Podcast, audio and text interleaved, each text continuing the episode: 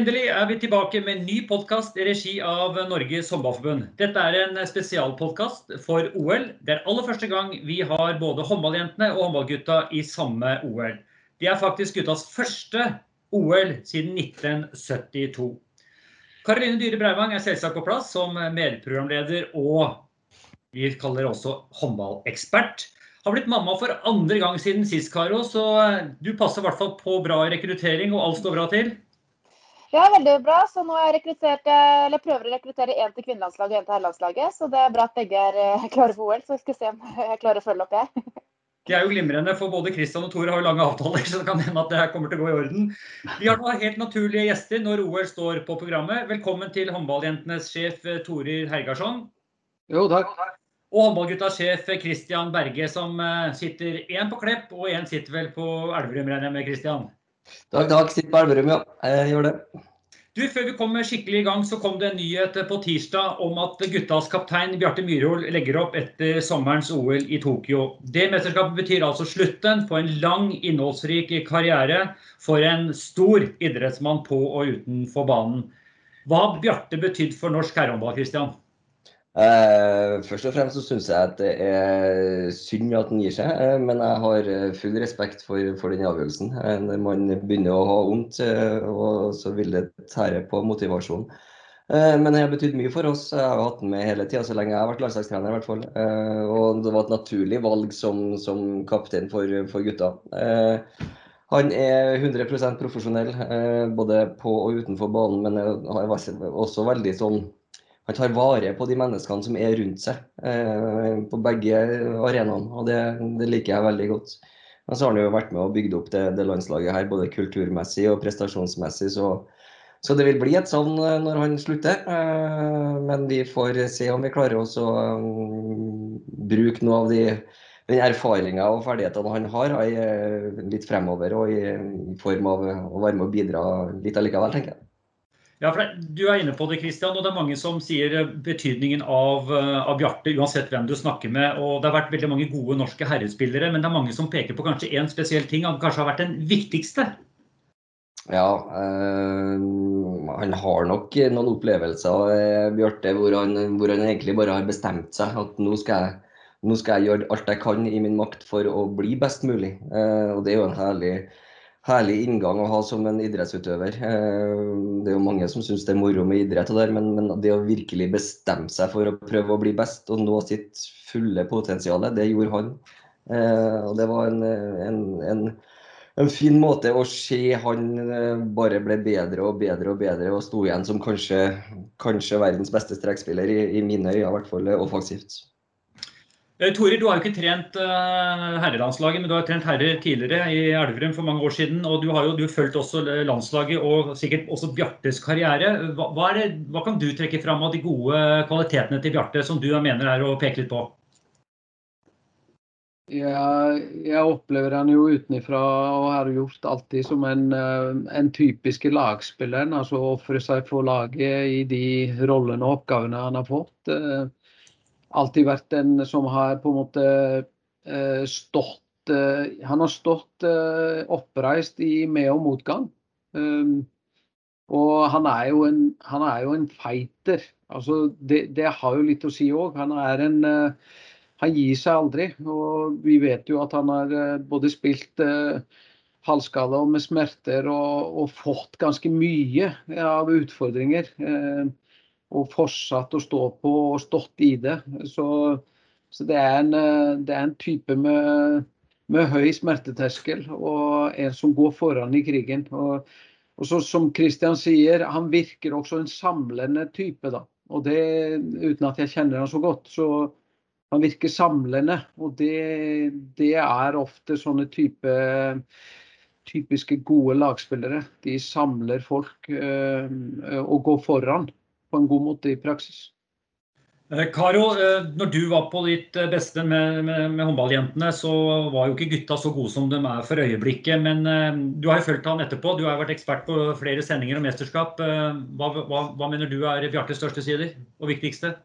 Nei, han virker som han er vanvittig god til å ha fokus på det han får gjort noe med. Det merker i hvert fall jeg i de intervjuene som ble gjort nå i sist mesterskap, hvor eh, han dro på at de som skulle ta ansvar for smitteprotokoller og ansvar for det, uh, skulle ta ansvar for det. Og så fikk han ha fokus på å spille håndball og gjøre den jobben der. Og jeg tenker at når du får utmerkelsen Årets forbilde på, på idrettsgallaen, så, så, har du bemerket deg på noe positivt. og og um, som du sa, så var ikke de eh, helt i toppen da jeg var, eh, var aktiv på landslaget, men det at han har vært med på, på den reisen da, eh, og har den kontinuiteten i et landslag, det er viktig. Og virker som at det er en spiller som, som gir alt til enhver tid og er, er positiv og, og, og, viser gutta vei og gir alt. Og det er viktig å ha i ethvert lag. Ja, og det, Nå høres det ut som Bjarte er ferdig uh, fra og med nå. Det er han ikke. Bjarte skal satse fram mot OL. Og Christian, OL har jo vært stort, uh, en stor drøm for Bjarte i veldig veldig mange år. og Nå er det mulig for han å oppleve det uten at vi har tatt ut noe lag, eller du har tatt ut noe lag ennå. Uh, men vi kan si sånn, er det på høy tid at herrene kvalifiserer seg? For dere henger litt bak damene når det gjelder kamper i OL? Ja, vi hadde, vi hadde, et forsøk i 16. Så fikk vi et forsøk i forhold til å prøve å kvalifisere oss, eh, og den kvalen klarte ikke vi. Eh, så det har vært i tankene våre hele tida at vi ønsker å komme til et OL. Eh, og det var lenge siden sist, som du sa. Så vi er egentlig veldig glad for å, for å få muligheten. Og prøve å høste så mye erfaringer fra, fra Torer og, og damelandslaget i forhold til at de har vært der mange ganger. Eh, sånn at det er en helt ny opplevelse for oss. Eh, så vi skal være eh, Jeg gleder meg i hvert fall vanvittig til å, til å dra ned dit. Hvordan er det å få med Tore, du er jo en gjenganger i OL med håndballjentene. Har vært med mange ganger og ikke minst vunnet to OL-gull også. Hvordan er det å være med å få med herrene i tillegg til ditt eget lag? Jo, det er jo selvsagt utrolig inspirerende. Det er jo Vi har jo ofte snakka om det. Vi så jo Vi har jo sett nasjoner som har hatt både herrelag og damelag i OL. Eh, både i Beijing, i, London, i Rio. Og det, det, ser ut som det er en ekstra dimensjon. altså Det blir en uh, ekstra spiller for, uh, for, de respektive landslagene. altså Det er inspirerende. Og så er det også veldig ålreit, for at du kan, du kan innimellom flytte litt fokus fra deg selv over på det andre laget og unna de og heie på de og slutte å tenke på deg sjøl og bare deg og ditt hele tiden. Eh, det er også en veldig god ting, for det er jo en av de viktigste tingene i OL, og det er kanskje ikke Karo skriver under på. Og det er å ikke gå seg vill i å gå rundt seg sjøl og sitte i 24 timer i døgnet gjennom et helt OL. Eh, så det er viktig å ha noen sånne muligheter til å koble litt av, og da er det jo kjempebra at på den fritagen du har, så har du en kamp med herrelaget.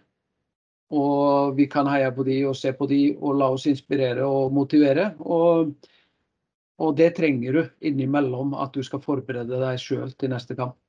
Hva tenker du om det Tore sier der, Karo? For du har vært med på flere OL. Og som jeg sa også innledningsvis, du har to, eh, to, to OL-gull.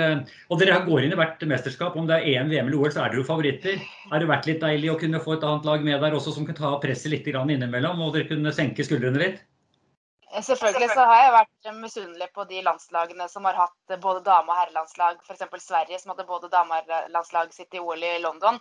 Det virker som at det er veldig, veldig gøy å ha noen å heie på, noen som kanskje kan komme med noen tips. Eh, det å være sammen. Eh, jeg husker de OL-ene jeg har vært i, så var jeg veldig sånn vi på at i dag skal vi ut og padle, i dag skal vi ut og ro, i dag skal vi fekte.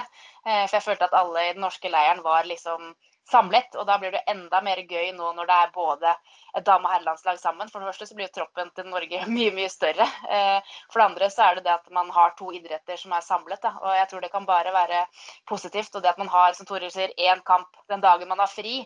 Så at man kan se og heie og bli litt inspirert. For at eh, man ser jo mye håndball når man er der. Både forberede seg selv individuelt, men også eh, herrekampene, i og med at man spiller annenhver dag. Og da blir det ekstra gøy å, å ha noen som man man kjenner og er en del av, da, som man kan heie på. Da må du suge inn eh, tanker og følelser, Kristian, for du har vært med i OL før. ja, jeg hadde litt prat både med Olympiatoppen og, og Torir i forhold til hvilke opplevelser de har hatt, så vi prøver å hente så mange erfaringer som mulig. Ja.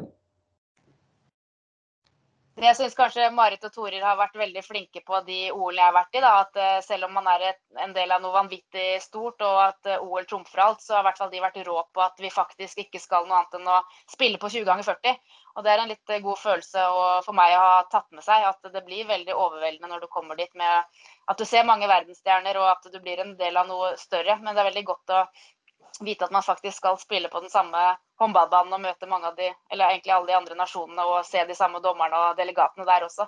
Så det er greit å ta med seg noen sånne småting og henge ting på når det kanskje blir litt eh, stort og overveldende.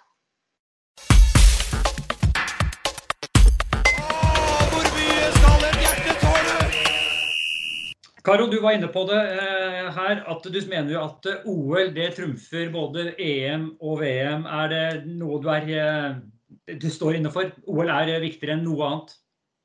Det er kanskje det største. Det er jo klart at det er jo gøy å vinne EM og VM også, og være en del av disse mesterskapene. Men, men, OL er kun hvert fjerde år, og i hvert fall veldig mange som deltar i et OL, har det som en drøm og kanskje et mål fra de er bitte små, at de har lyst til å være i et OL. Og mange har også en drøm om å ta en, en OL-medalje. Og det er veldig, veldig mange deltakere i et OL, så det, når man er i et vanlig mesterskap, så tar man jo bare heisen ned og spise mat, og så er man de, med de tre andre lagene på hotellet. Nå er man plutselig en del av en større norsk tropp, og ikke minst noe, en del av veldig veldig mange andre. Eh, og det som er gøy når man spiller håndball, er at man faktisk får være i deltakerlandsbyen hele tiden, i og med at man spiller gruppekamper over tid. Man får ikke liksom bare komme inn, og så er det ut igjen. Så det er eh, ganske interessant å se hvor mange som er der i starten, og så blir det færre og færre deltakere utover jo lenger man kommer ut i OL. Hva tenker du, Tori, selv om det er tolv i et, eh, et, mesterskap i OL, og så har det litt flere når det er både EM og VM. Hva er tanken din og hva er følelsen din når du går inn i et uh, olympisk mesterskap kontra EM og VM? Det er, jo, det er jo verdens største idrettsarrangement. Eh, så det er jo en håndballturnering som er egentlig ganske lik EM og VM sånn sett, som turnering. Men det er en turnering, håndballturnering i et stort, eh, stort idrettsarrangement. Eh, og det er jo det som gjør det spesielt. Men jeg, eh, forrige OL som har gått, så har jo på en måte, syns jeg, nivået på en del av laga steget. Altså det var jo sånn eh, før at man definerte EM som mye sterkere enn både VM og OL. Og det, det er jo for så vidt fortsatt. For vi er fortsatt en veldig sterk europeisk idrett. Eh, men de kontinentene eh, på kvinnesida i hvert fall, og det har jo også skjedd på herresida, at de blir stadig bedre. Og, og det, det, er jo nå ikke lenger noen kasteballer. Ikke lenger. I, det var jo i London-OL med, med, England, altså Great Britain, som, som, lag. De var jo en kasteball. Ellers så var det relativt jevnt. Eh, I Kina var Kina eh, i Beijing var Kina klart et av de svakeste lagene. Eh, men nå er jo hjemmeverten, Japan, blitt mye sterkere og vokst veldig. Angola, Brasil vet vi hva står for. Sør-Korea er alltid gode i OL på damesida. Så, så det er en sterk turnering nå i år. Sterkere enn på lenge. Kristian, du har sagt eh, lenge og i flere år, helt siden du ble landslagssjef i Norge for herrene, at eh, du, målet ditt er å vinne noe med Norge til, til, slutt. Eh, kjenner jeg deg rett, så er det ikke så farlig om det blir EM, VM eller OL, bare at du vinner en, en tittel med det. Men du har tatt tre fantastiske medaljer med gutta nå de siste årene. Men hvis du skulle velge ut én, og du må si EM, VM eller OL, hva hadde du valgt? Nei, Først og fremst så syns jeg jo at alle mesterskap er, er viktig. Men EM og VM det, det kommer jo oftere enn et OL gjør. Eh, så klart så vil jo et OL-gull henge veldig høyt, eller en OL-medalje. Eh, sånn at man, eh, den, den, henger nok litt høyere enn de andre. Og så er det Torer innpå at, at EM ofte har vært det, det vanskeligste mesterskapet å vinne. Sånn føler jeg at det ikke er når jeg ser på de lagene som stiller opp i, på RS-sida på OL, hvert fall, for der er det mange lag som kan bli nummer én. Altså.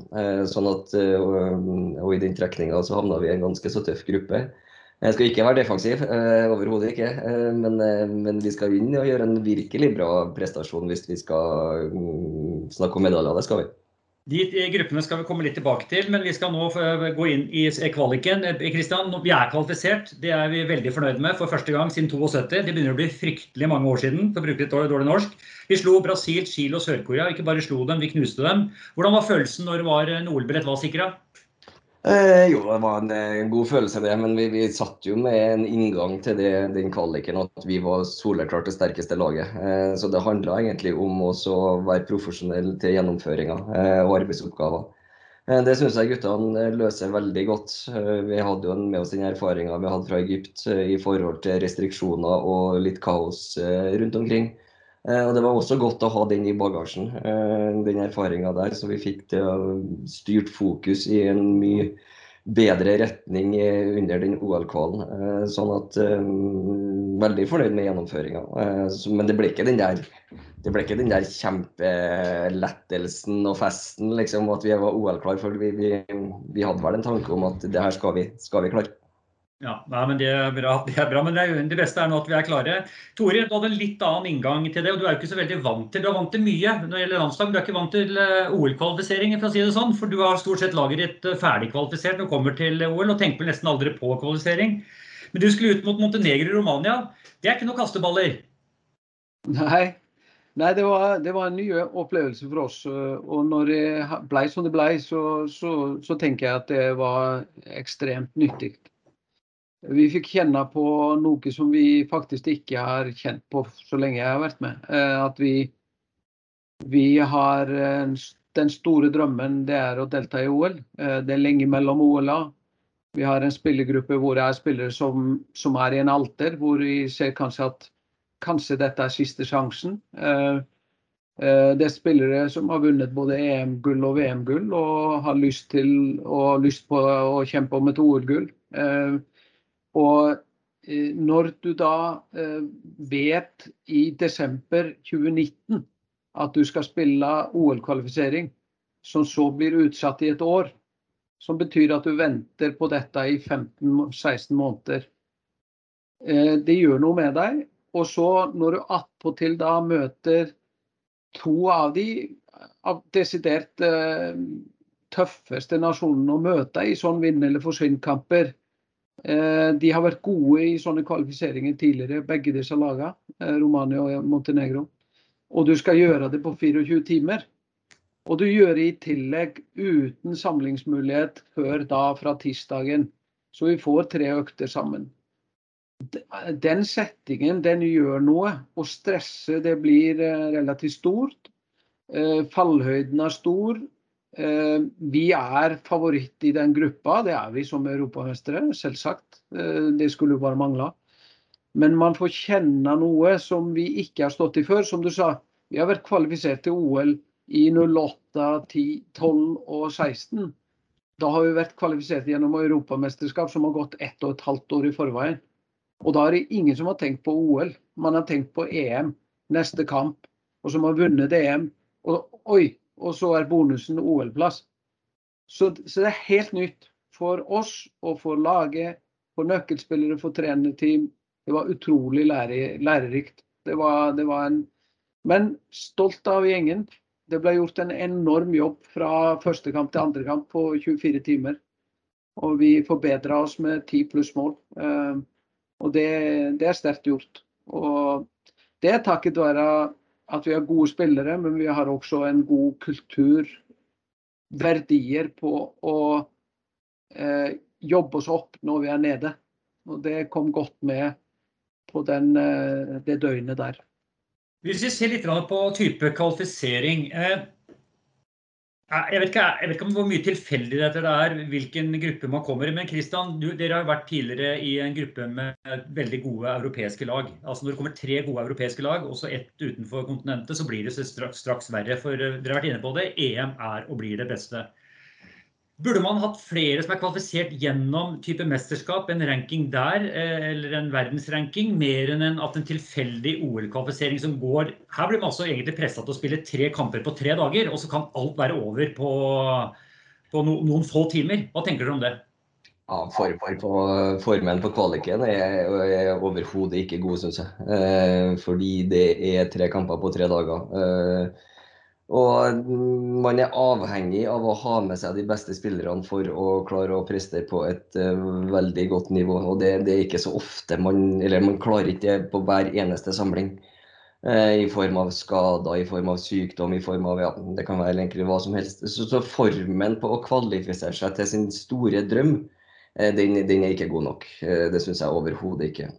Det bør være et rangeringssystem som, som, som tar vare på, på, det her i bedre grad enn en, en kvalik over tre dager. Altså. Det, det, er jeg helt uh, tydelig på. Hva tenker du om det, Torir? For du sto jo etter Montenegro-kampen og kunne faktisk blitt slått ut med å blitt uh, europamester bare noen måneder før. Hvordan føler du at denne kvaliken og rettferdigheten er på det? At du kan bare være borte på to kamper?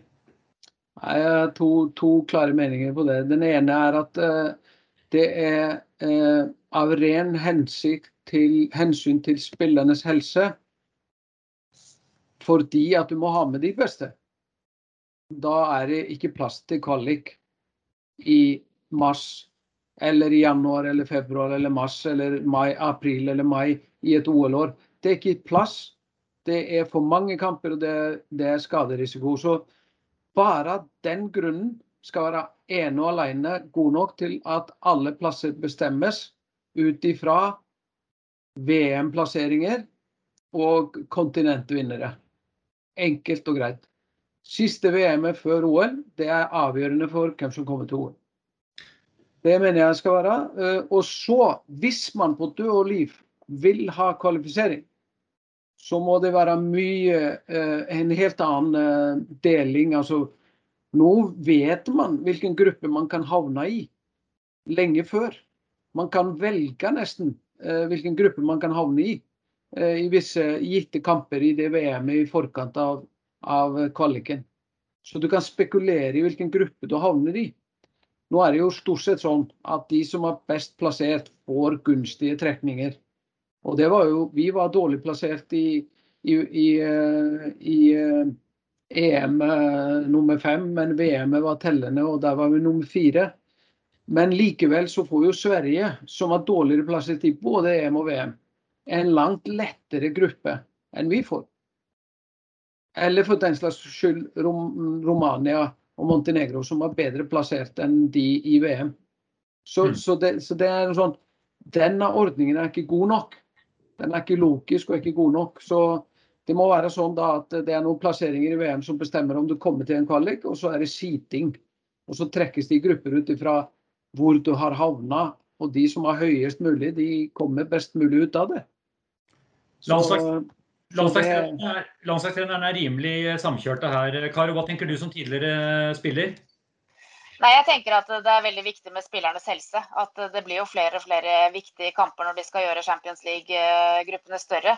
Og det at, eh, at, eh, den viktigste turneringen og det høyeste målet mange håndballspillere har, da, blir avgjort på, på, en helg. Man skal spille tre kamper på, på, tre dager, eller man spiller to kamper på to dager, og man ikke har mulighet til å, til å ha oppkjøring til det, så er det, jo, er det jo brutalt. Så jeg er helt enig med, med Torer at det må finne en, finnes en bedre måte å gjøre denne rangeringen på, ikke putte inn en kvalik. Ikke minst et OL-år, for der, der, er det hektisk nok som det er. Både med vanvittig høy klubbaktivitet for de aller, aller beste spillerne i tillegg så er det et OL som, som kommer i en periode hvor man vanligvis har fri. Og så skal man ikke glemme at det kommer et mesterskap i desember igjen. Så det er, det er nok av viktige kamper som, som skal spilles i løpet av dette året. Og hvis man vil ha med de aller beste spillerne eh, over tid, så er det noen ting som må strykes. Og da tenker jeg at det er veldig enkelt å stryke en OL-kvalifisering. Da det er lett å, å finne disse plasseringene ut fra mesterskap. Det gikk nå til slutt veldig bra uansett, for vi har to lag eh, med til OL som vi er veldig veldig glad for. Men jeg har lyst til å spørre deg, Karo. Eh, det ble jo veldig nervepirrende eh, når man ikke da skal være med å avgjøre det sjøl. Hvordan hadde du det de siste tre-fire minuttene når Norge, nei, når Norge var på Gardermoen og Romania Montenegro spilte? Ah, det var jo en brutal helg alt i alt, syns jeg. Som ikke egentlig, jeg er jo ikke en del av laget mer. Samtidig så vet jeg jo hva de skal igjennom. Så når de fikk den, det, det sure tapet mot Montenegro, så, så, følte jeg virkelig med jentene. Og jeg vet at det koster mye å reise seg på den måten de, de gjorde i løpet av eh, de få timene. Og den eh, revansjen de gjorde mot Romania, det er en vanvittig sterk eh, prestasjon. Og det å sitte og vente på et resultat og være avhengig av andre, det må være så forferdelig.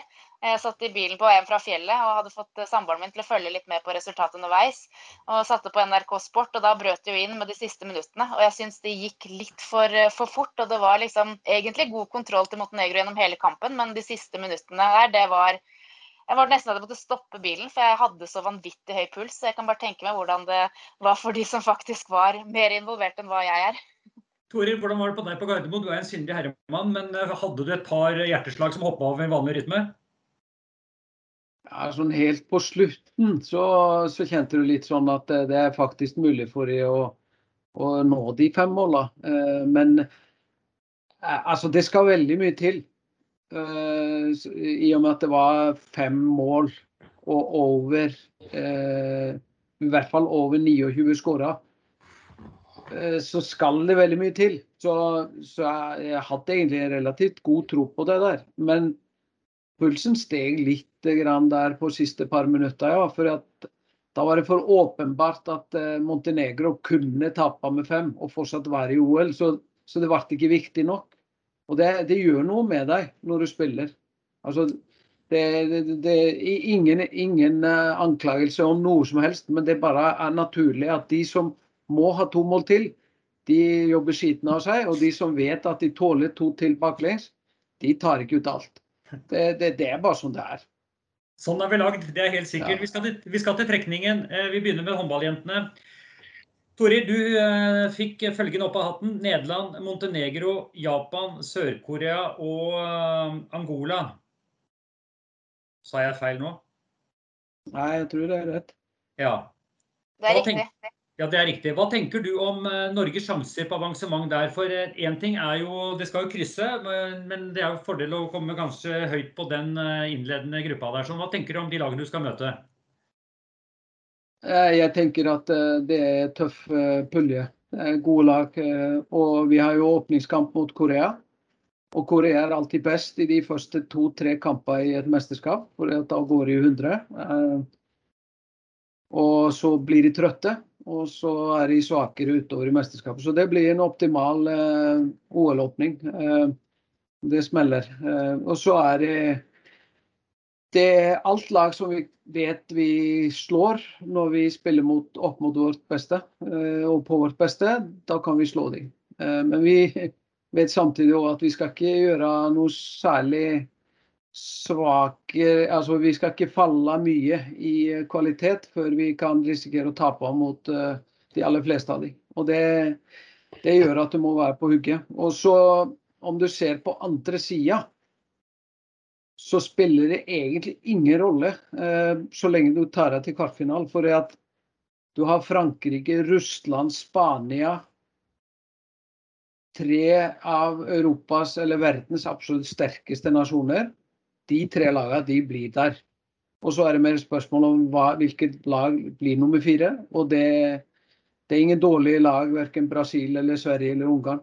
Uh, så, så, nei, det, man kan tenke seg at ja, det blir fordel å være nummer én i pulja. Vi vant OL i London og vi ble nummer fire i pulja. Uh, og vi møtte Brasil som feit over alle lag innledningsvis, og vi lå under med seks ved pause i kvartfinalen. Så, du lå seks når det var en 20 minutter. Ja, det òg. Eh, men det er liksom Så jeg tror det er best bare å ta en kamp om gangen. Jeg tror det blir viktigere enn noensinne. Nei, Jeg følger deg på den. Men eh, jeg får aldri verken Tore eller Christian til å tippe noen resultater her, Karo. Men du skal få lov å tippe i, hos håndballjentene. Og de tolv lagene, hvilke fire lag står i en eh, semifinale? Det, er, eh, det, er, vanskelig. Jeg har vært med i to OL, eh, to forskjellige OL, selv om det ble gull begge to. I Beijing så, så, var det veldig Vi vant alle egentlig mer eller mindre ganske greit, eh, bortsett fra Romania med ett mål i puljen, og så selvfølgelig denne Sør-Korea-kampen i semifinalen. I London så sleit vi vanvittig. Vi tapte åpningskamp mot Frankrike, slo Sverige uavgjort mot Korea, slo Danmark med ett mål, og så tapte vi mot Spania som gjorde at vi ble nummer fire. Eh, så det er veldig mye som, som, som kan skje. Men eh, jeg har jo selvfølgelig tro på Norge. Frankrike har vært solide egentlig etter at de hadde en, et dårlig VM. De er å regne med. Russland er jo tittelforsvarer. Eh, Nederland har jo vært det mesterskapslaget eh, de siste mesterskapene som har spilt semifinale flest ganger, eh, sammen med Norge selvfølgelig også. Så det er veldig vanskelig å, å, å tippe. Men jeg tror, eh, jeg tror eh, Norge, Russland, Frankrike og eh, skal vi se, jeg tar Nederland. Den er grei. Vi går over på håndballguttas gruppe. Det ble, det ble kalt dødens gruppe det etter trekningen, Kristian. Frankrike, Tyskland, Brasil, Spania og Argentina. Hvordan ser du på motstanden? Nei, Jeg satt og fulgte med trekninga live. Eh, det, var, det dukka opp det ene sterke laget etter det andre. Det er, det er, en tøff gruppe, det er ikke noe tvil om. Eh, vi skal jo åpningskamp mot, eh, mot Brasil. Det blir litt det samme som Torir i forhold til, til å møte Sør-Korea. Så er det mm, Brasil er alltid god også i starten. Men det er ikke de beste trente nasjonene, kanskje, sånn at de går trøtt utover.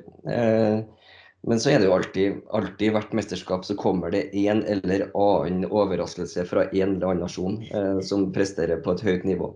Så litt, eh, Det kan være Argentina det her året. De kom jo litt til i, i VM, syns jeg. Eh, sånn at det er virkelig tøffe motstandere. Vi skal møte Spania, som vi ikke har slått på eh, jeg vet ikke hva journalistene sier, men det er en del år i hvert fall. Eh, Frankrike er alltid en tøff motstander.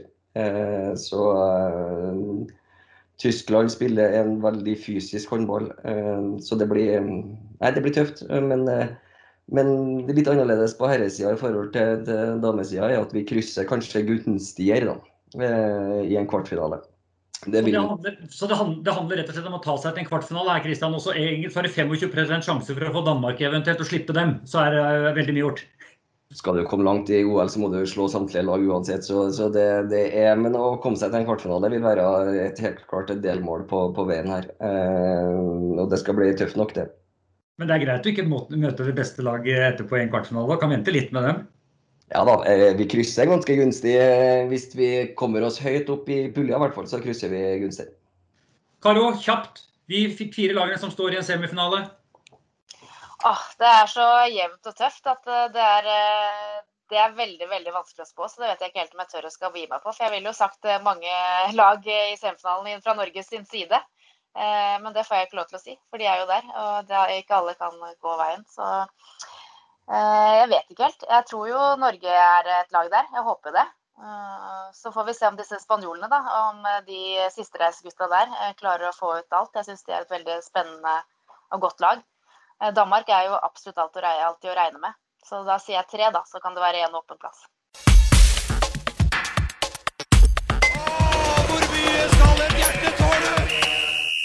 Vi skal til eh, det som vi må kalle oppladning til eh, OL. Altså sommerens store, store målsetning for både håndballjentene og håndballgutta nå som vi er kvalifisert. Eh, da kan vi komme litt inn på hvordan er kamp- og samlingsplan nå frem mot OL. Er, vi er fortsatt inne i koronasituasjonen, vi er fortsatt inne i en pandemi.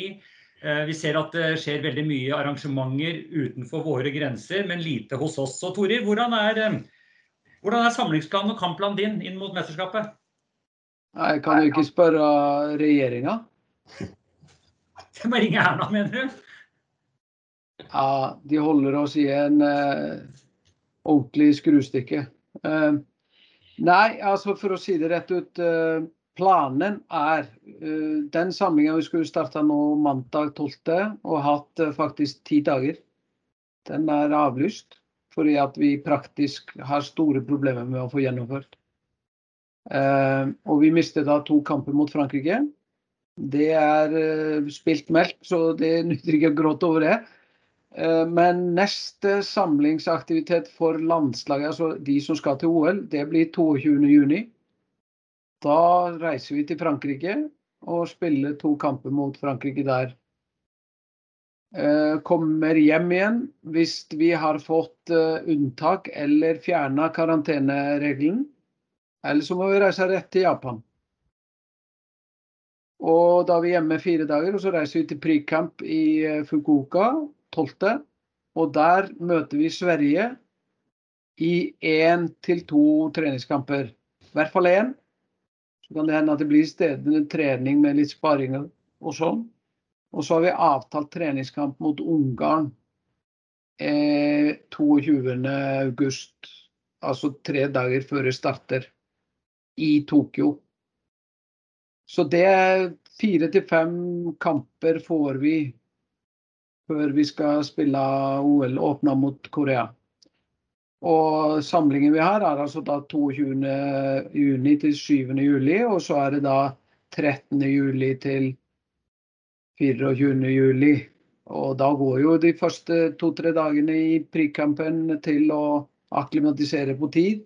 Veldig lite treningseffektivt eh, av erfaring. Så, så det, det, er den forberedelsen vi har. Og så må jo selvsagt eh, spillerne gjøre gode forberedelser gjennom spill i klubber og trening der. Og det ser jo bra ut med de som er i utenlandske klubber, både i Danmark og Ungarn. Tyskland, eh, men eh, det ser eh, mindre bra ut for de som er i norske klubber. Så der må vi finne noen kompensasjon dersom det ikke blir videre seriespill, som vi håper, da. Det svaret får vi vel over helgen, får vi håpe. Men i verste fall Tore, så høres det ut som at du kanskje er samla med jentene dine nesten i to måneder, du da?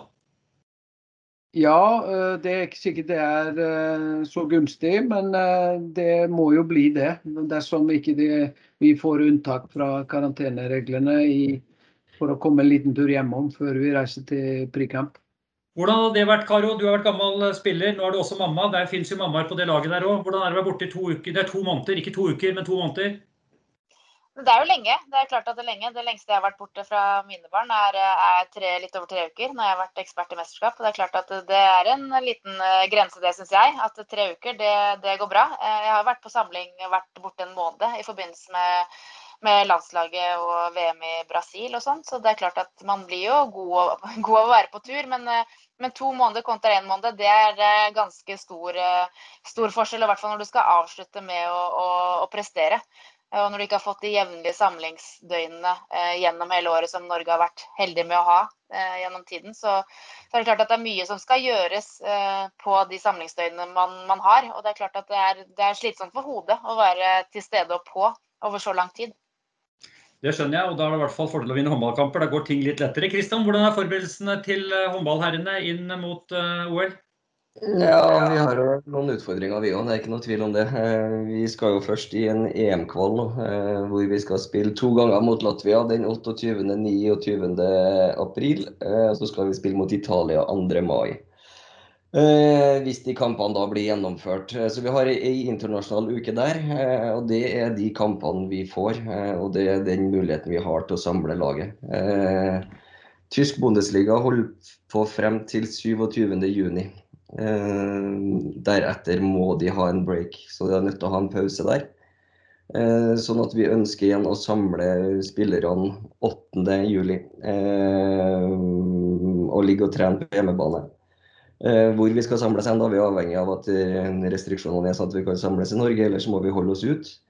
Og så fly ned til Fukuoka hvor vi skal ha pre-camp der nede og spille én til to treningskamper mot, mot Sverige. Eh, før vi da står i åpningskamp mot, eh, mot Brasil. Sånn at det er, det er spesielt. Eh, og det er nok en, en, Det er ikke en optimal måte å forberede seg på, det er ikke noe tvil om. Men det aller, aller viktigste er at de kommer gjennom klubbaktiviteten godt trent og, og skadefri. Det vil være det alfa og mega for oss. Takk for den infoen, eh, begge to. Nå skal vi over til noe som kanskje er noe dere Jeg tror ikke dere gleder dere til det. Det er det forestående OL-uttaket. For vi vet jo at eh, i et OL så er det færre spillere som skal, eh, skal være med i en, et EM og VM. Og nå har det vært enda litt enklere i et EM og VM pga. at du har fått lov til å ha med flere spillere. Nå skal det ned til 14. Eh, du kan svare først, Torer, for dette har du erfaring på. For Kristian har aldri tatt ut 14. Men uh, hvordan er den utfordringa? Er, det noe du, uh, er det er noe du gruer deg til hver gang? Jeg, jeg, gruer meg ikke til det, men det er en krevende prosess. Uh, og jeg har stor respekt for den. For at vi nevnte, vi snakka om det tidligere i, i, her nå, at dette henger høyt. Og dette er viktig mål for veldig, veldig mange av spillerne. Og det er sjelden du får sjansen. Det kan være én gang i løpet av karrieren du får en sjansen. Og det, gjør at det blir sånn at da tenker jeg at vi i trenerteamet må gjøre en jækla god, unnskyld uttrykket, men en veldig grundig og god eh, vurdering. Og være helt sikker på at vi tar ut det laget som er best egnet til å nå målet. For det er jo egentlig det det dreier seg om. Og da vil vi måtte velge bort gode spillere som egentlig isolert sett er gode nok og kunne ha hatt en plass. Uh, fordi at det er flere enn 14. Uh, men uh, det er jo sånn. det vil bli, være lett å ta ut kjernen. Kjernen er 10-12 stykk. Det er hvis alle er friske, som Kristian sier òg. Det, er veldig viktig for oss at vi, de kommer hele gjennom det her, og at de er friske til, til oppkjøringen og inn mot OL. så hvis alle er tilgjengelige, så er det relativt lett for oss å ta ut 10-12 stykk. Ehm, og så vil det alltid være litt sånn diskusjon og rolle, og hvem håndterer den eh, rollen nummer 13-14. Og ikke minst 15, som da er en reservespiller som kan være inne i leiren, inne i OL-leiren. Det er også en rolle som er ganske krevende og spesiell, og det må også være da en, en liten nøkkelspiller der. Og det, Nei, det, det, blir krevende som alltid. Og litt mer krevende enn i, i mesterskapene EM og VM, ja. Kjenner deg rett, Kristian, så har du også hatt eh, ganske mange uttak i hodet ditt allerede. Og det kommer en dato som man må gjøre dette på. Så er, som du har vært inne på, Det viktigste nå er at de får spilt godt i sine klubblag, holder seg friske og raske. Og at du kan plukke fra, fra skadefrie spillere. Men hvordan blir den utfordringa? Og så gå ifra en større tropp som har vært med faste, og plutselig så kommer du til det OL-et som ikke har vært med på siden litt lettere for Torer, for du har ikke hatt herrene med siden 72, og nå ser du muligheten. Eh, ja da, eh, men det, blir, det er litt det samme på, på dame- og herresida. Tror jeg kjernen er, er, nok ganske så klar i forhold til, til å være med Eh, men jeg har alltid vært glad i å ta med store tropper til mesterskap, for jeg ønsker å ta med noen unge spillere som skal lære både kultur og, og, og, og se hvordan livet er i mesterskap, så de står bedre rusta til neste gang. Eh, den muligheten har vi ikke sjanse til å gjøre her. Eh, sånn at jeg, jeg, jeg, gruer meg og gleder meg samtidig til å ta, ta ut det laget, fordi det er en drøm for mange. Sånn at den ringerunden blir blir både tøff og, og gledelig. Så ja, jeg syns 14 er lite. Altså. Jeg, må, må, jeg, må, si det. det jeg skulle ønske at det hadde vært flere. Og så handler det mye om rollefordeling, fordi det skal fungere også ved siden av banen. Det skal ikke fungere bare på banen. Sånn at den rollefordelinga og forventningsavklaringene blir nok, blir nok, vel så viktig i forhold til, til de spillerne som vi skal ha med oss. Eh, Karo, Eh, du har jo sett spillere reagere på dette, selvfølgelig. I, eh, i Larvik f.eks. så er det spillere som da kanskje ikke har kommet med eh, om det er et EM eller VM, men aller mest OL. Hvordan reagerer spillerne på å få en sånn beskjed når du håper og tror at du er med? Nei, Det er klart at det er jo, det er jo brutalt. Sånn som de to OL jeg har vært en del av, så har vi fått vite det på samling. Vi har vært samlet en stund. Og så har vi fått vite det på slutten av samlingen, så da er man jo sammen. Og det at noen er glade og noen blir fryktelig lei seg, det er man har lyst til å glede seg på egne vegne, men så blir man jo så lei seg for de som ikke får lov til å være med også. Så det er jo, det er jo veldig har vært vanskelig. Men samtidig så, så, har det jo gått bra også. Men det er klart at man vil jo ha, ha, med, ha, med, så mange som mulig, men så er det 14 som er, er troppen. Uh, så det er, det er, jo ikke noe, noe, gøy når noen blir lei seg, men så vil man jo være glad på sine egne vegne. Så jeg vet ikke hvordan det skal være nå, om man skal ringe sånn som det er når det er vanlig mesterskap, eller hvordan det blir. Men, uh, men, eh, men, det er bare at eh, du må stå i det der og da, og så, og så kommer man til neste samling, og så er man de som skal være med til OL, og så går verden videre.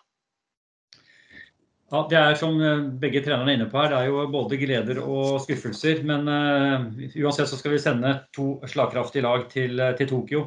Uh, i, i, dette året her så er det jo um, det er jo tre mesterskap innenfor kalenderår, uh, mer eller mindre. Eh, det er jo tøft. Og, ikke minst at vi har vært oppe i en koronasituasjon hvor eh, det har vært veldig sånn, tøff belastning på spillerne når først man åpner opp igjen. Ser, vil, vil, det ha noen påvirkning på måten dere tar ut laget på? Deg først, Kristian? Uh, ja, vi er vel ikke så brede at vi kan velge så altfor mange. Men, men, det er jo en utfordring det der at de, de beste har veldig stor belastning.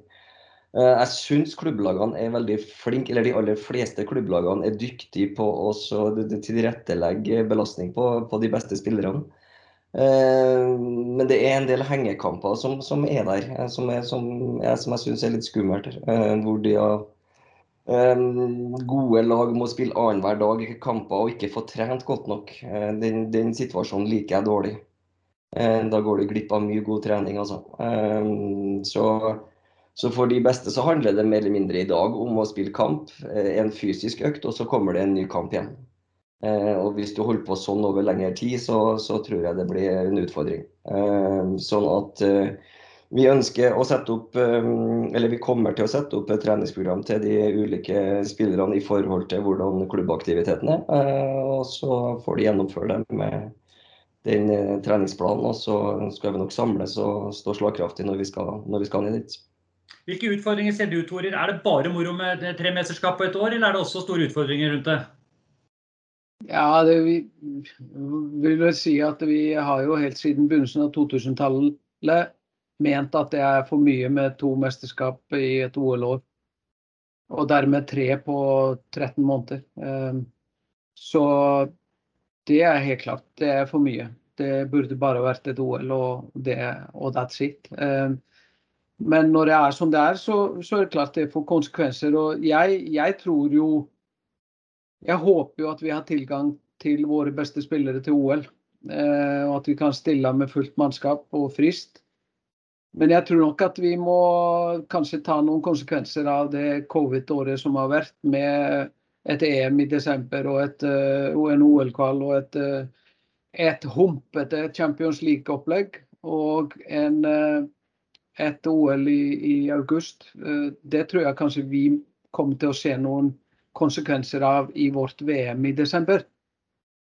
Eh, det kan godt hende at det er der eh, noen av våre kanskje må hente seg inn. Og, og der kan det kanskje være et mesterskap hvor vi skal inn med unge, nye, friske andre som skal slå seg opp og fram. Det kan godt hende at det blir en konsekvens av ikke bare at det er OL og VM i samme år, men også av omstendighetene helt siden i fjor, i mars. Og med inn og ut av karantener. Eh, det, vi merker jo at det er større belastning på mange av spillerne totalt sett. Om det ikke er større belastning med kamper og sånn, så er det større belastning totalt sett. I forhold til du er langt vekk, du, du får ikke samme kontakten med familien. Eh, du er mer isolert. Eh, det er av og på. Det er karantener hit og dit. Du er av og på i trening, det gjør noe, både mentalt og fysisk. Så, så det Jeg tror nok vi må, må kanskje betale kostnadene litt grann eh, lengre fremover i tid, som kan påvirke. Og det, det kan man velge å se på som minus, men jeg velger å se på det. Det blir en investering for videre om vi, kom, om vi skulle havne i den situasjonen. Eh, så, men kom, kom, altså sånn oppsummert så er det for mye med et, eh, et EM i et OL-år. Ja. Nei, et, nå ble det jo VM, da. Mm. Men normalt er det jo et EM i et OL-år. Mm. Så det, det, burde vekk, ja. Og det burde være sånn at det var bare maks ett mesterskap i året. Og det er i utgangspunktet er egentlig for mye, hvis man ser på alt sammen. Men, eh, men eh, for oss landslagstrenere er det fint med et mesterskap i året. Du, ja, det var bra du avslutta med oss landslagstrenere. for jeg tenkte jeg skulle si, Karo, Du er til spiller, og her hører vi at eh, snusfornuften til landslagstreneren tenker på totalbelastning og alt. Men for en spiller som trener mye, det, uten at det hadde vært mesterskap hver uke, så hadde det selvfølgelig gått utover statusen. Men dere hadde vel sett eh, at det var eh, store ting å spille for hver gang det var landskamp?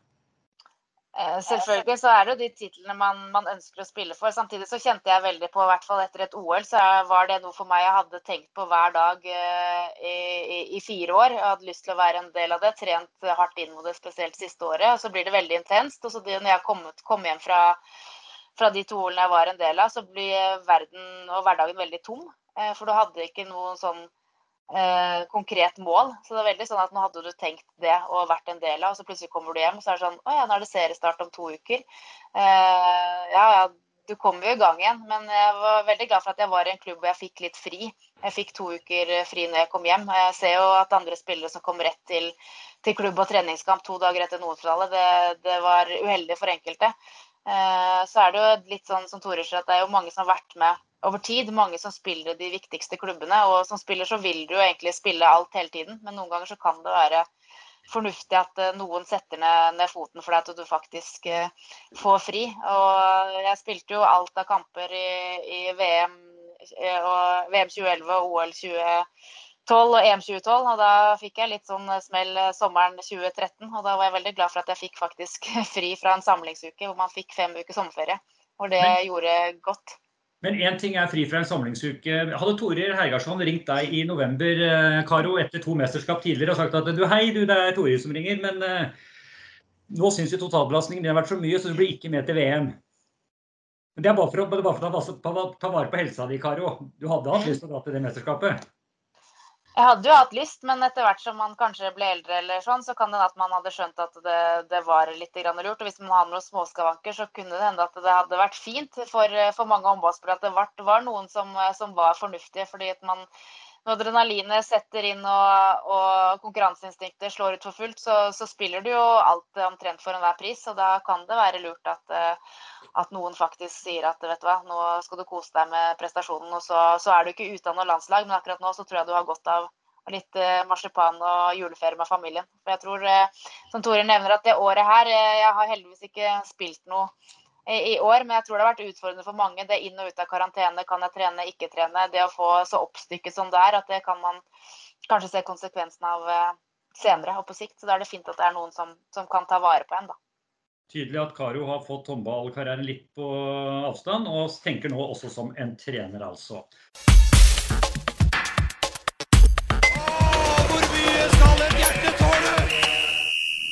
Kristian, hva er det du gleder deg mest med til med OL?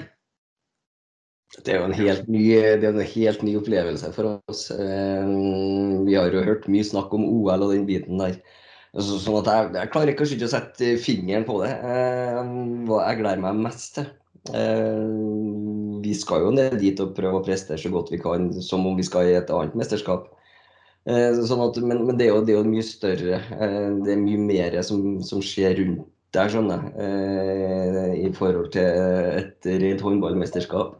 Sånn at eh, nei, jeg, først og fremst så gleder jeg meg bare til å dra ned og, og, ha et blikk på at vi skal prestere godt. Det er nok eh, det jeg gleder meg aller mest til. Torir, på, rundt dere i en deltakerlandsby så er det jo verdensstjerner på hvert eneste gatehjørne. Eh, om det er, Dessverre er ikke han med oss lenger, men Kobe Bryant har vært der. Vi har sett at han har hatt et forhold til våre håndballjenter tidligere i mesterskapet i OL i 12. Du har Bolt osv. osv. Er det forstyrrende element, eller er det bare inspirerende? Ja, det, det, eh, er potensiell eh, forstyrrelse, men det er samtidig også en fin avkobling. Eh, så det er litt sånn avhengig av hvordan den tar det. Men der er jo på en måte forberedelsene ganske viktige, og, og, de som har vært med i et OL, kanskje kan gå, gå foran. Men jeg tror, er, jeg tror det er mest positivt.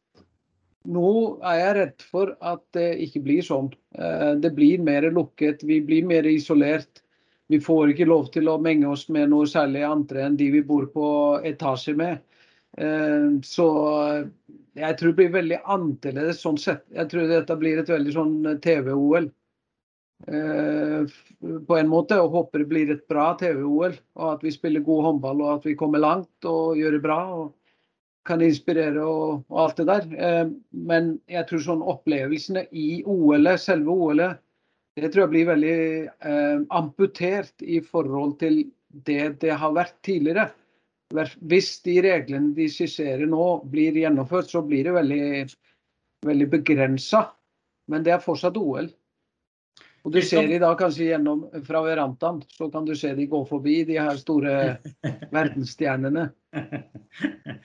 Kristian, du skal eh, inn i et nytt møte med Olympiatoppen. Men før du går, eh, innmarsjen er viktig for mange nasjoner. Jeg sjøl jobba i USA. Da var nesten innmarsj og avslutningsseremonien det var viktigere enn selve øvelsene. For det her en amerikaner er det fantastisk viktig.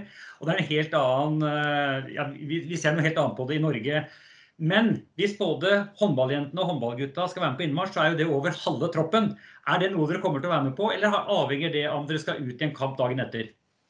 Jeg har ikke kommet så langt i tankene på det. Jeg har ikke tenkt på innmarsj eller utmarsj. Si. Det, er overhodet ikke fokus i det hele tatt. Eh, fokuset er ned dit å prøve å spille god håndball. Altså. Eh, sånn at det er, der er helt klart tankene på det, ja. Men Torir, du har holdt jentene igjen tidligere fra åpningsseremoni? Ja, nå er det sånn at nå er det for første gang siden jeg begynte å være med, så er det sånn at gutta spiller førstekampen kampen tidligere så har damene begynt. Eh, nå er det omvendt. Nå begynner herrene på den 24., eh, og så starter vi 25.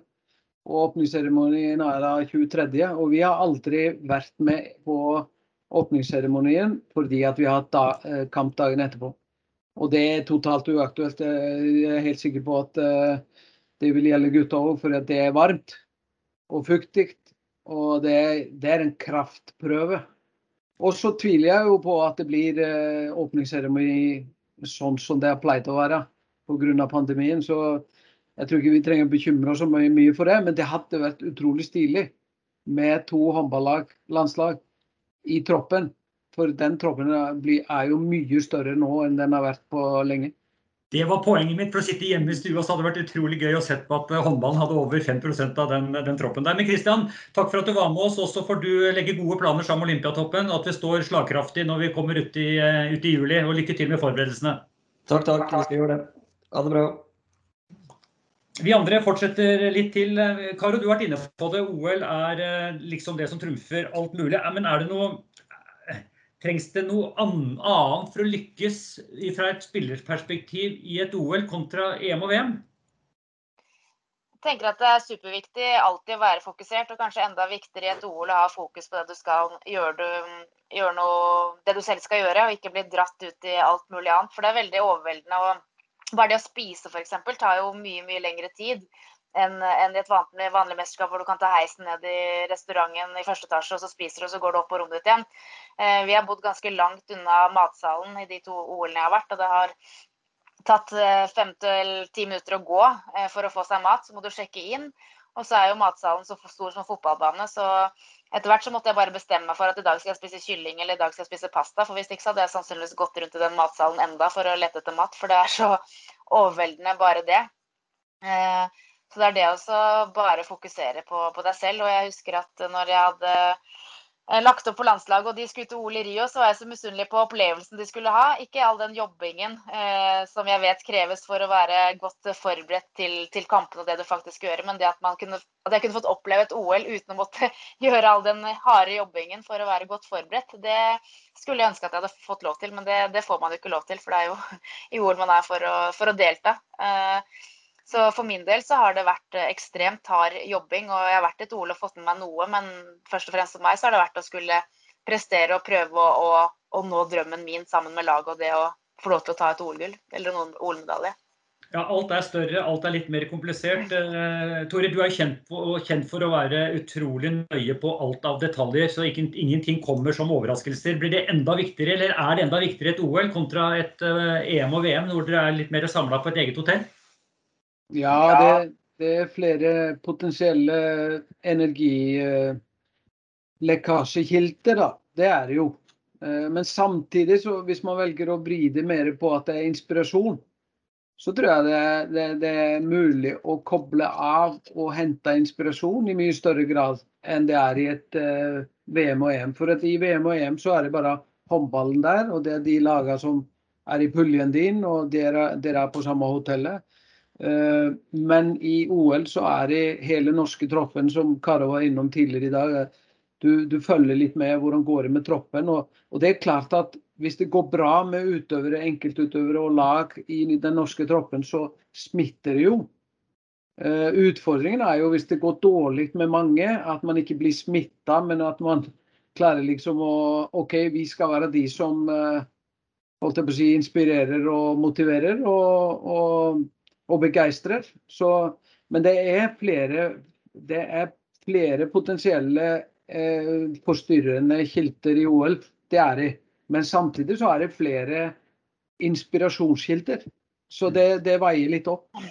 Okay. Jeg er helt enig med Torir der, for jeg husker det sist. Og når Eirik Verås Larsen tok padlegull i London, så var det vanvittig god stemning i den, i den norske troppen. Jeg følte at yes, i dag har vi vunnet padling. Det, det var ikke akkurat jeg som hadde vært ute og padlet noen, noen, noen tusenmetere der. Og så husker jeg også at når vi tapte åpningskampen mot Frankrike i OL i London, så var vi jo utrolig forbanna. Men da husker jeg samme dag så hadde Ingvild Snildal svømt. Og hun hadde levert vanvittig gode prestasjoner. Han var på trening samme dag Eh, som hadde gjort at hadde hun bare svømt normalt, så hadde hun kommet seg videre. Men så, så, så fikk hun det ikke til akkurat i den ene distansen hun skulle svømme for å, for å komme videre til, til semifinalen. Da husker jeg da var hennes OL det var over. Og da husker jeg at jeg var så takknemlig for at vi hadde faktisk fire gruppespillkamper eh, til å kunne rette det på. da. At eh, vi, jeg visste at vi var et bedre lag enn Frankrike og kunne slå dem, eh, og at vi hadde slått dem i oppkjøringen. Og da fikk jeg meg en litt sånn wake-up call at liksom mm, vi er heldige da, som kan på en måte ha muligheten til å få rette dette opp i overmorgen. Eh, OL-et vårt er ikke slutt.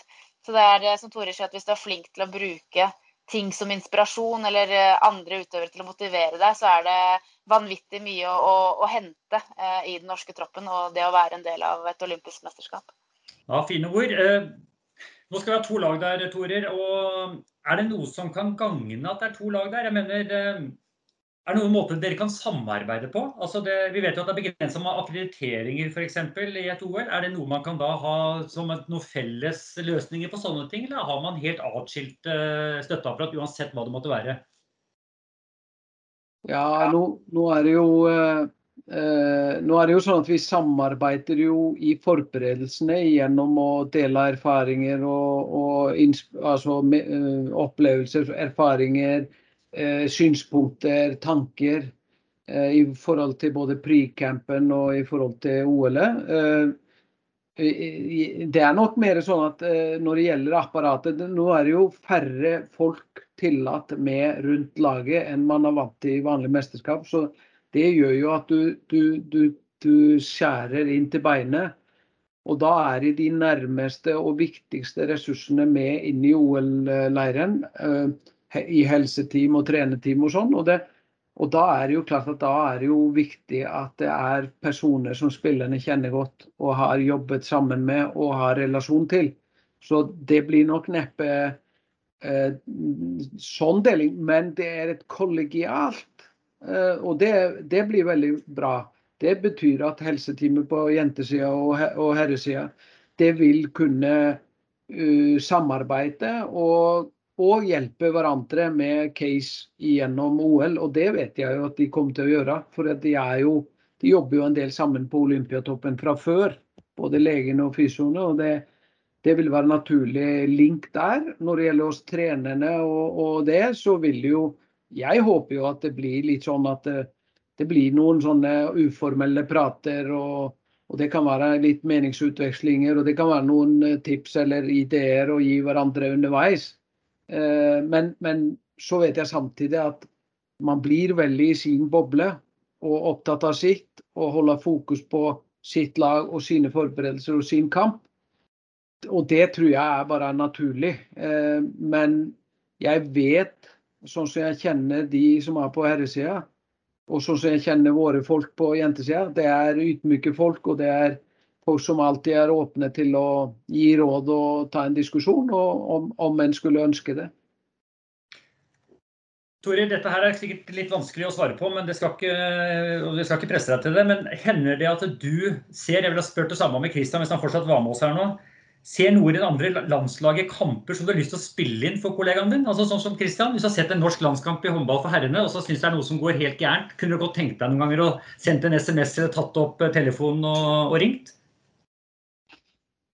Nei, egentlig, eh, faktisk egentlig ikke. Altså, vi ser jo og tenker litt forskjellig. Og, og, når man sitter og ser fra utsida, så har man ikke alle informasjonen. Eh, det kan være ting der som gjør at både disponeringer og andre ting blir som det blir. Eh, men eh, jeg er jo veldig sånn at eh, jeg setter jo pris på konstruktive og gode innspill. Og så er jeg litt sånn at hvis jeg føler behov for å, at noen skal mene noe om det, så, så, så spør jeg jo de folka som, som jeg vet at eh, har sett og ser og har sett nok til å ha et grunnlag til å mene noe om det. Eh, så jeg setter alltid pris, pris på konstruktive og gode innspill.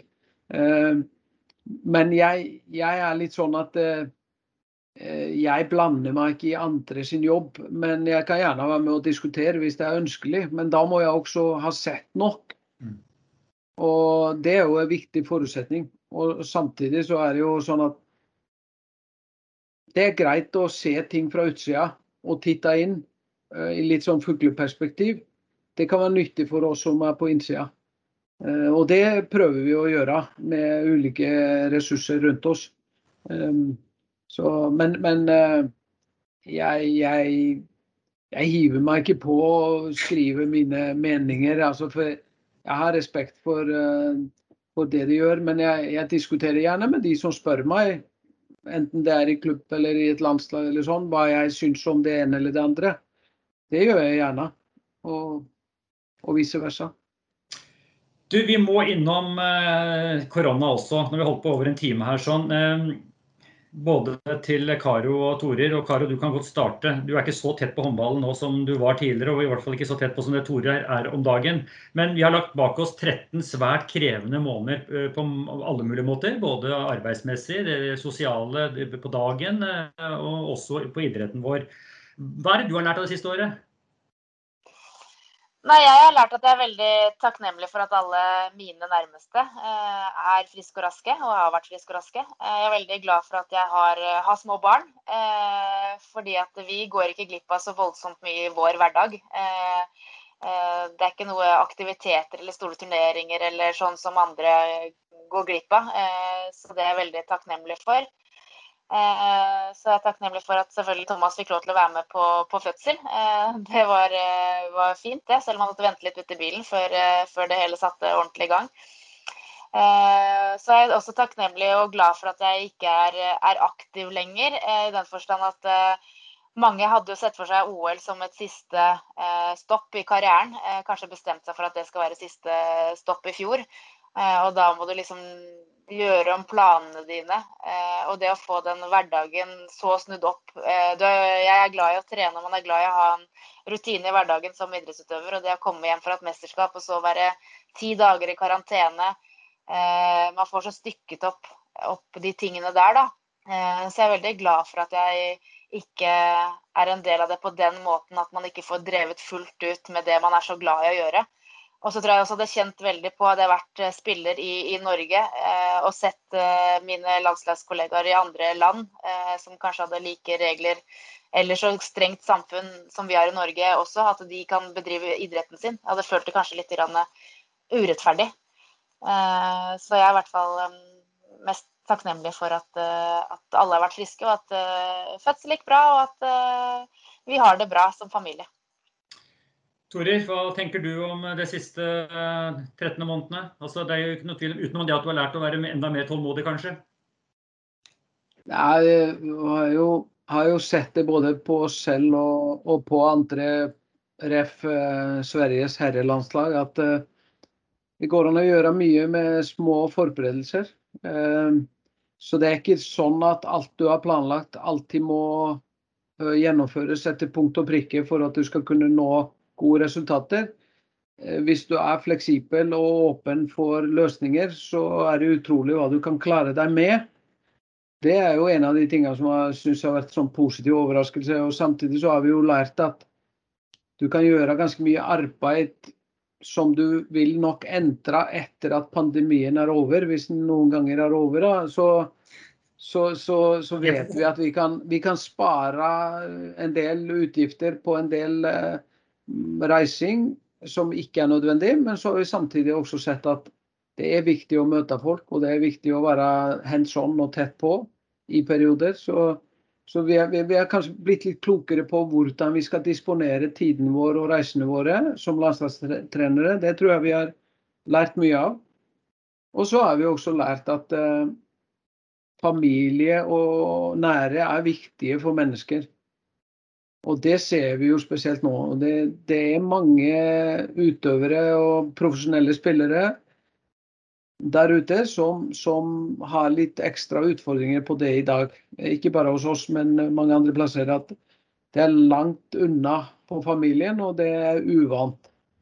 Eh, og det, det, det, det bare igjen bekrefter hvor viktig Altså hva er viktigst? Jo, håndball er kanskje viktig, og idrett og alt det der, men det er de nærmeste som er viktigst.